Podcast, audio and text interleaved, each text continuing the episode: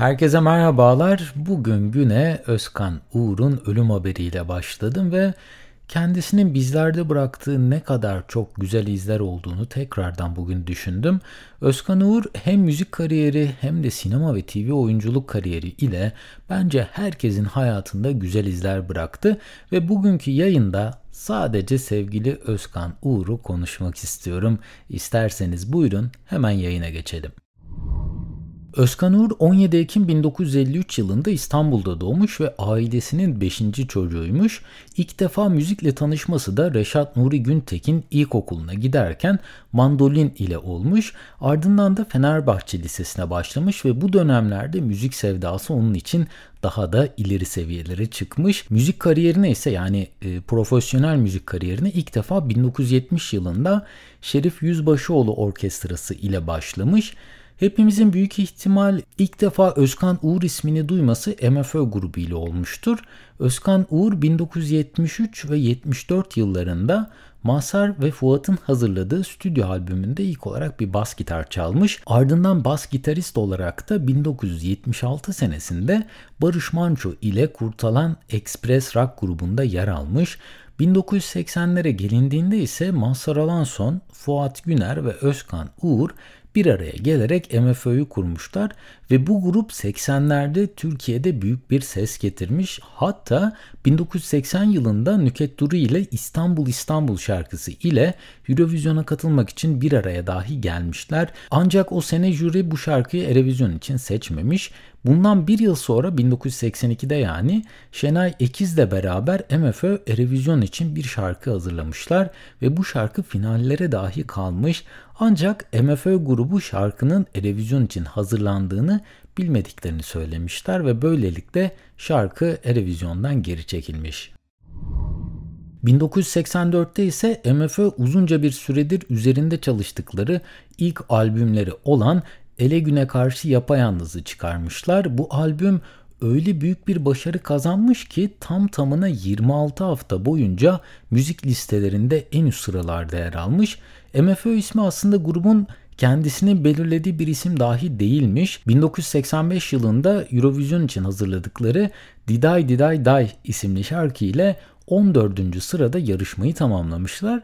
Ancak bu yarışmanın sunucusu Mazhar Fuat Özkan isimlerini kısaltıp kendilerine MFÖ demiş ve bu isim artık grubun yeni ismi olarak o günden bugünlere kadar gelmiş.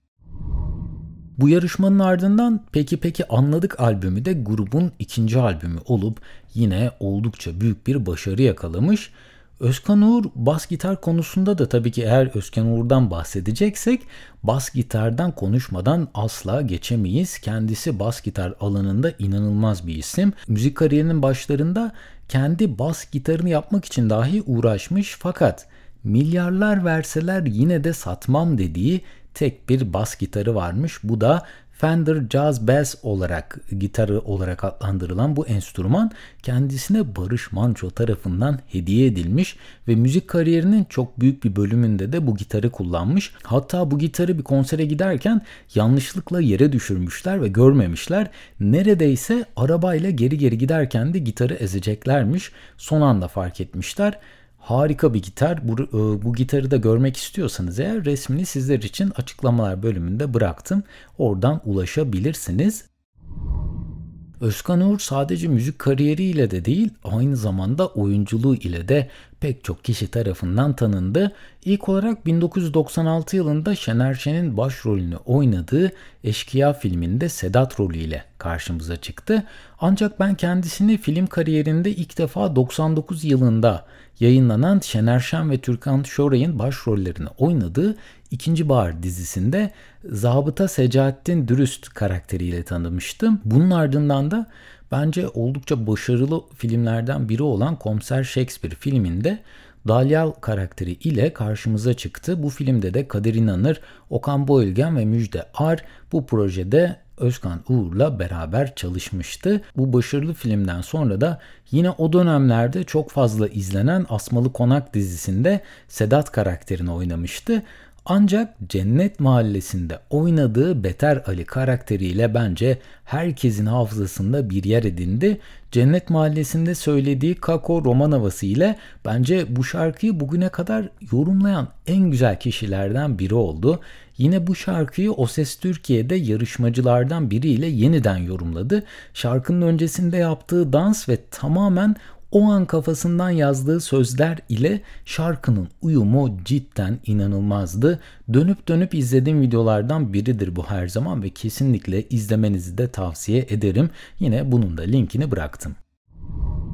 Peki bununla bitti mi? Tabii ki hayır. Bir de Cem Yılmaz ile yer aldığı yapımlar var ki onları da ayrı bir köşeye koymamız kesinlikle gerekli. İlk olarak Gora'da Garavel Usta olarak Özkan Uğur karşımıza çıktı. Gora filmi içinde yapmış olduğu Olduramadım şarkısı da benim oynatma listemde her zaman yerini korumuştur. Bu projenin ardından da Arok filminde Dimi karakterini oynamıştı.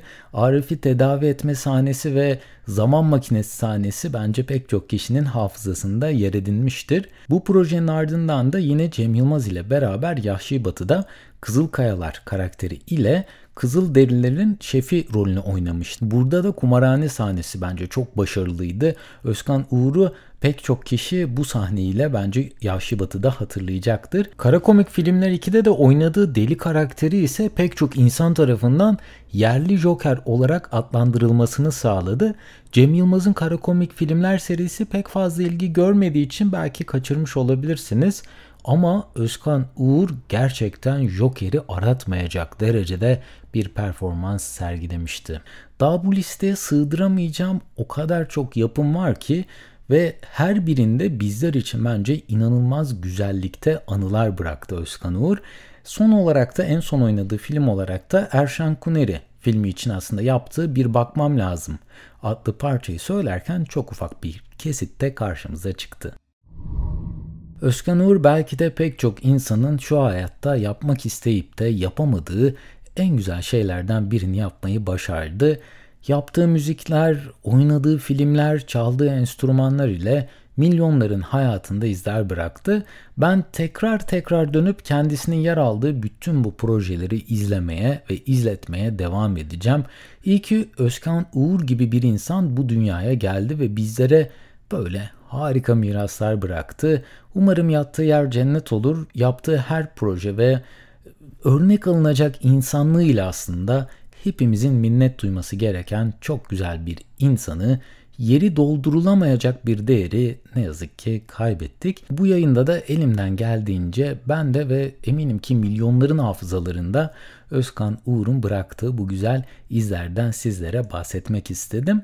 Bu bölümde Özkan Uğur'u ve kendisinin bizlere bıraktığı enfes hatıralardan konuştuk. Bu arada yayında bahsettiğim neredeyse her detayın linkini de açıklamalar bölümünde bıraktım. Oradan ulaşabilirsiniz. En kısa sürede yeni yayınlarda görüşmek üzere. Kendinize çok iyi bakın. Hoşçakalın.